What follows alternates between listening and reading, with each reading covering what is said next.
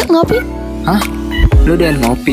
Yoi, ngobrolin psikologi. Hai Calmers, kembali lagi di Ngopi. Ngobrolin psikologi. Gimana nih Calmers kabarnya? Gimana Fania dan Alia kabarnya? Baik-baik aja. Baik. Ah ya sama, me too. Berarti banyak hmm. banget, banyak banget Calmers yang uh, belum kenal sama kita. Jadi Ayo mari kita perkenalkan diri kita. Nah, jadi kali ini ngopi bakalan ditemenin nih sama kita bertiga. Ada gue Alia, sama ada siapa lagi nih? Ada gue Dini. Ada gue Fania. Oke, okay, jadi uh, gue mau nanya nih sama kalian berdua. Mm. Kalian pernah gak sih ngerasa kayak gak enak gitu untuk nolak permintaan temen kalian atau merasa kalau misalnya kalian tuh gak punya batasan gitu di dalam hubungan pertemanan kalian? Pernah hmm, banget. Pernah, pernah, pernah. Pernah sih. Pernah. Kayak ya pernah gitu kayak diajak pengen uh, diajak keluar padahal sebenarnya hari itu like gue udah khususin tuh hari buat me time aja ya meski gue tahu juga gue udah lama gak ketemu mereka tapi I need today for only for only me but so, but tapi gue juga udah lama gak ketemu mereka kan jadi kayak hmm what should I do hmm. kalau Alia kalau Alia pernah banget juga sih ini masa-masanya kuliah lah ya jadi kayak lebih tepatnya hmm. lagi ngerjain tugas nih terus ada temen deket gitu sahabat lah kayak hmm. ngajakin hmm. al ayo kita keluar yuk jalan kayak udah lama nih kita nggak jalan berdua gitu kayak di satu sisi iya sih kita kayak udah lama gitu nggak jalan berdua tapi mau ninggalin koin tugas gimana tapi kalau mau nolak dia juga kok nggak enak kayak gitu sih nggak enaknya Bener sih, itu pasti kayak apa ya, kayak mungkin karena kita di budaya timur juga kali ya, jadi kalau misalnya nolak gitu kayak gak enak gitu kan. Hmm, Cuman bener banget. Kalian kalian tahu gak sih uh, kalau misalnya di suatu hubungan atau di suatu pertemanan gitu sebenarnya ada yang namanya boundaries gitu. Hmm. Nah salah satunya adalah emotional boundaries. Ada yang tahu nggak hmm. emotional boundaries itu apa? Ya, ya, gue pernah dengar kok soal emotional boundaries. Coba apa, Van? Nah, emotional boundaries itu um, seperti garis imajiner yang memisahkan perasaan, emosi, dan tanggung jawab diri kita dengan orang lain. Sederhananya, sananya tuh kayak emotional boundaries itu memisahkan apa yang kita pengen perhatikan sama hal-hal yang nggak kita ingin perhatikan. Karena bisa aja hal itu melukai kita atau membuat kita tidak nyaman. Jadi, uh, singkatnya tuh emotional boundaries ini berguna untuk um, memberi membatasi diri kita dari hal-hal yang kita inginkan dan hal-hal yang tidak kita inginkan. Nah, kalau Mas nih, uh, emotional boundary juga bisa dibilang uh, memisahkan antara perasaan kita sama orang lain kayak uh, batasan privacy sih lebih tepatnya cuman konteksnya ke ranah perasaan kayak gitu. Nah, emotional boundary ini juga kayak sejauh mana kita bertanggung jawab atas perasaan orang lain atau dalam permasalahan orang lain gitu. Nah, ketika hmm. Calmers ini bisa memisahkan perasaan Calmers dan perasaan orang lain, berarti Calmers ini udah punya batasan emosional kayak gitu. Nah, bener hmm. banget, Al. Misalnya contohnya nih ya, gue kasih contoh. Gue tuh pernah, uh, gak tahu sih ya, ini seingat gue sih kayak gue pernah deh. Jadi tuh uh, gue pernah di tahap di mana sebenarnya gue tuh harus ngerjain deadline. Dan itu harus dikumpul jam 12 malam tank tapi di situ posisinya gue masih ngerjain kayak setengahnya gitu atau kayak tiga perempat deh kayaknya kayak maksudnya laporan itu harus dikumpulin jam 12 tapi gue baru ngerjain setengah. Terus jam 11 malam tiba-tiba itu berarti kayak satu jam sebelum deadline satu kita eh, iya satu jam sebelum deadline gue dikumpul uh, sahabat gue kayak dia nelfon gue dan nelfon apa ngechat ya? Gue lupa di antara ngechat di kalau nggak salah antara nelfon antara antara dua itu. Dia nangis nangis karena dia berantem sama pacarnya nah di situlah emosional boundaries gue diuji jadi akhirnya karena mungkin kalau misalnya pada saat itu uh, gue belum memiliki emotional boundaries yang bagus, gue akan ya udah nggak apa-apa, ayo kamu cerita sama aku ya gitu.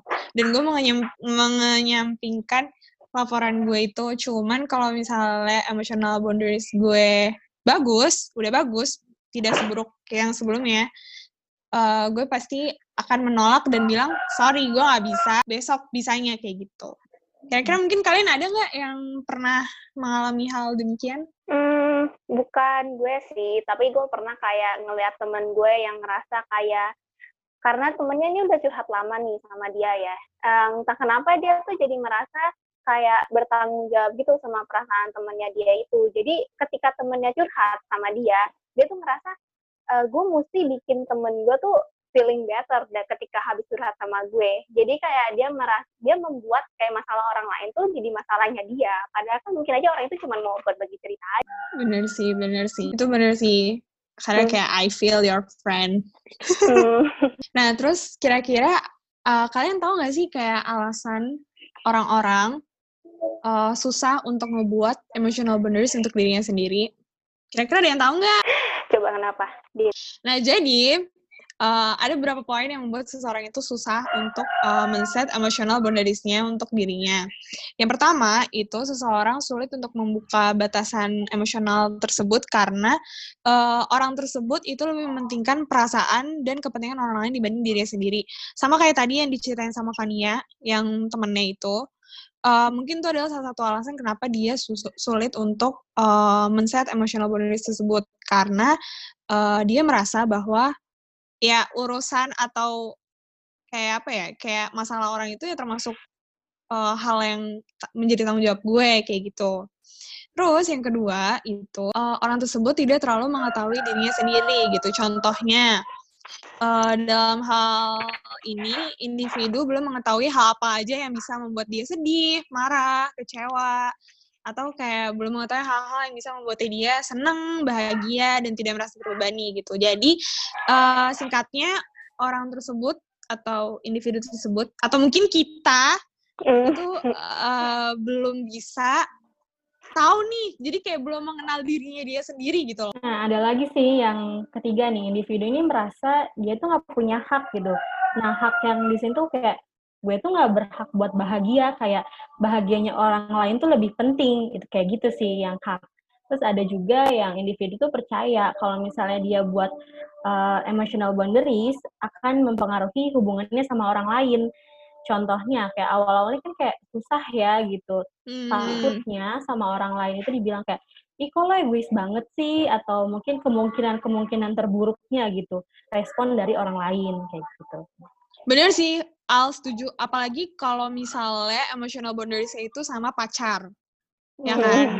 Hmm. Itu menurut gue susah banget. Karena mungkin, apa ya, kayak ada, nggak tahu ya mungkin rasa nggak enak atau takut gitu ntar dia ninggalin gue kalau misalnya gue terlalu, uh, apa namanya, membuat batasan tersebut gitu meskipun secara nggak kasat mata gitu. Tapi mungkin ntar takutnya kayak cowok gue cari yang lain kali ya kalau misalnya gue begini gitu. Padahal ya nggak apa-apa gitu kan. Nah, kenapa sih menurut kalian batasan emosional ini diperlukan? Apa sih pentingnya? Hmm.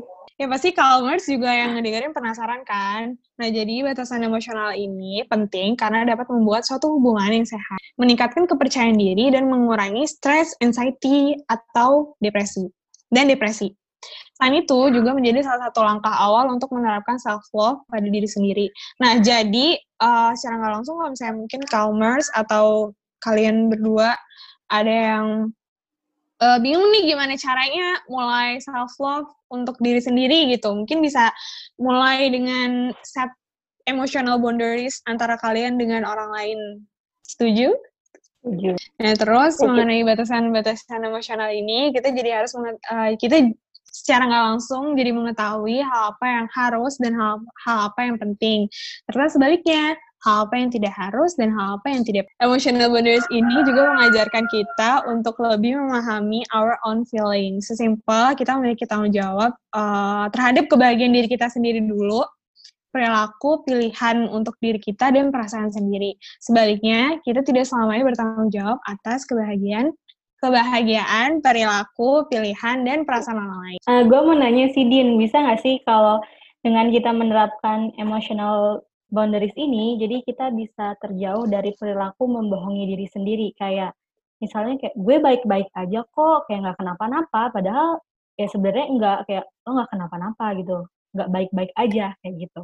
Uh, bi- menurut gue sih bisa ya Al. Hmm. Soalnya kan kayak secara nggak langsung kalau misalnya kita men-set emotional boundaries itu kita jadi tahu kan kayak hal apa yang jadi kayak kita lebih apa ya kayak lebih mengerti diri kita sendiri gitu Hmm. loh kayak oh gue tuh nggak suka loh kalau misalnya orang lain tuh eh, memper- mem- memperlakukan gue seperti ini gitu. Atau kayak oh gue gue nggak baik-baik aja kalau misalnya lo bohong sama gue atau yang kayak eh, lo selalu ngintilin gue ke mana pun gue Hmm. mau kayak gitu kan. Jadi sih secara nggak langsung kita kayak eh, apa sih namanya kayak tahu gitu loh. Uh, selanjutnya sih kita bakalan kasih tahu ke Calmers semua ada beberapa step buat Calmers menetapkan emotional boundary sendiri. Jadi ada apa aja nih step-stepnya? Nah, jadi yang pertama itu ada eh, yang bisa kita lakukan adalah mengidentifikasi di mana sih batasan emosional yang lemah.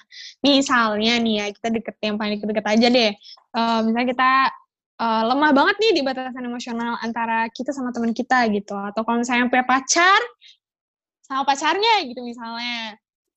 Nah, jadi eh, dalam hubungan tersebut tuh kita eh, misalnya lebih banyak nggak nyamannya nih dibanding nyamannya gitu atau lebih banyak nggak enaknya nih daripada enaknya gitu jadi mungkin ini adalah waktu yang tepat untuk kamu mengidentifikasi kira-kira apa sih yang membuat kamu nggak nyaman di dalam hubungan pertemanan tersebut atau hubungan pacaran tersebut Mungkin bisa dicari tahu juga kali ya, Am. Kira kira-kira di hal-hal apa sih kayak dia kayak kamu susah nolaknya. Misalkan kalau misalnya eh, si A susah nolak kalau misalnya diajak sama temen atau si B susah nolak kalau misalnya diajak curhat. Mungkin bisa dipikir-pikir lagi kok kamu susah gitu di bagian benar benar benar nah terus langkah selanjutnya yaitu langkah kedua adalah mengidentifikasi apa yang menghalangi kamu untuk melepaskan sesuatu tersebut entah itu uh, perasaan atau tanggung jawab gitu. Misalnya kita lanjutkan contoh yang tadi di atas kayak kamu uh, mikir tentang nyaman dan gak nyaman kira-kira apa sih yang membuat kamu susah untuk melepaskan atau membuat batasan tersebut gitu? Apakah kamu takut hubungan kalian malah jadi memburuk? Kayak misalnya persahabatannya jadi kok jadi aneh gini sih? Atau kayak mungkin takut pacarnya putusin mutusin atau selingkuh kayak gitu. Atau kayak pergi ninggalin kamu oh my God, sedih banget Langkah selanjutnya yang ketiga, lakukan apa pun yang bisa membuat kamu menentukan penghalang tersebut yang udah dibilang sama Dini tadi. Mungkin tadi yang udah disebut ya, mungkin kamu takut hubungan kamu kenapa-napa sama teman kamu, atau kamu mungkin takut pacar kamu cari cewek lain mungkin gara-gara kamu menetapkan batasan emosional kayak gitu. Kamu bisa mulai dengan cara kayak journaling atau ngelis dulu hal-hal yang kamu suka, sama hal yang kamu nyaman apa, sama ngelis juga hal yang kamu nggak suka dan kamu nggak nyaman. Atau Calmers juga bisa cari helping friends, uh, Calmers yang bisa memberikan insight-insight baru nih, yang mungkin kamu tadinya nggak kepikiran gimana caranya. Nah, ada lagi. benar-benar setuju setuju Ah, ya, setuju sih itu. nah, ada lagi nih langkah keempat. Jadi, uh, Calmers bisa menemukan hal-hal apa aja sih yang bisa membuat Calmers ini menetapkan batasan emosional itu. Contohnya, alasan Calmers menetapkan batasan emosional itu ya karena uh, simply Calmers pengen privacy buat diri Calmers sendiri gitu, pengen uh, pendapat Calmers ini didengar dan dimengerti oleh orang lain kayak gitu. benar-benar karena secara nggak langsung sebenarnya kita tuh kadang suka lupa gitu loh nge-set privacy untuk diri kita gitu tapi eh, kita lebih sering lebih sering banyak menghormatin privasi orang tapi kadang kita sendiri lupa kalau misalnya kita juga punya privacy gitu kan. Ya balik lagi kayak yang alasan orang-orang mungkin merasa susah untuk nge-set emotional boundaries karena merasa mereka nggak punya hak gitu.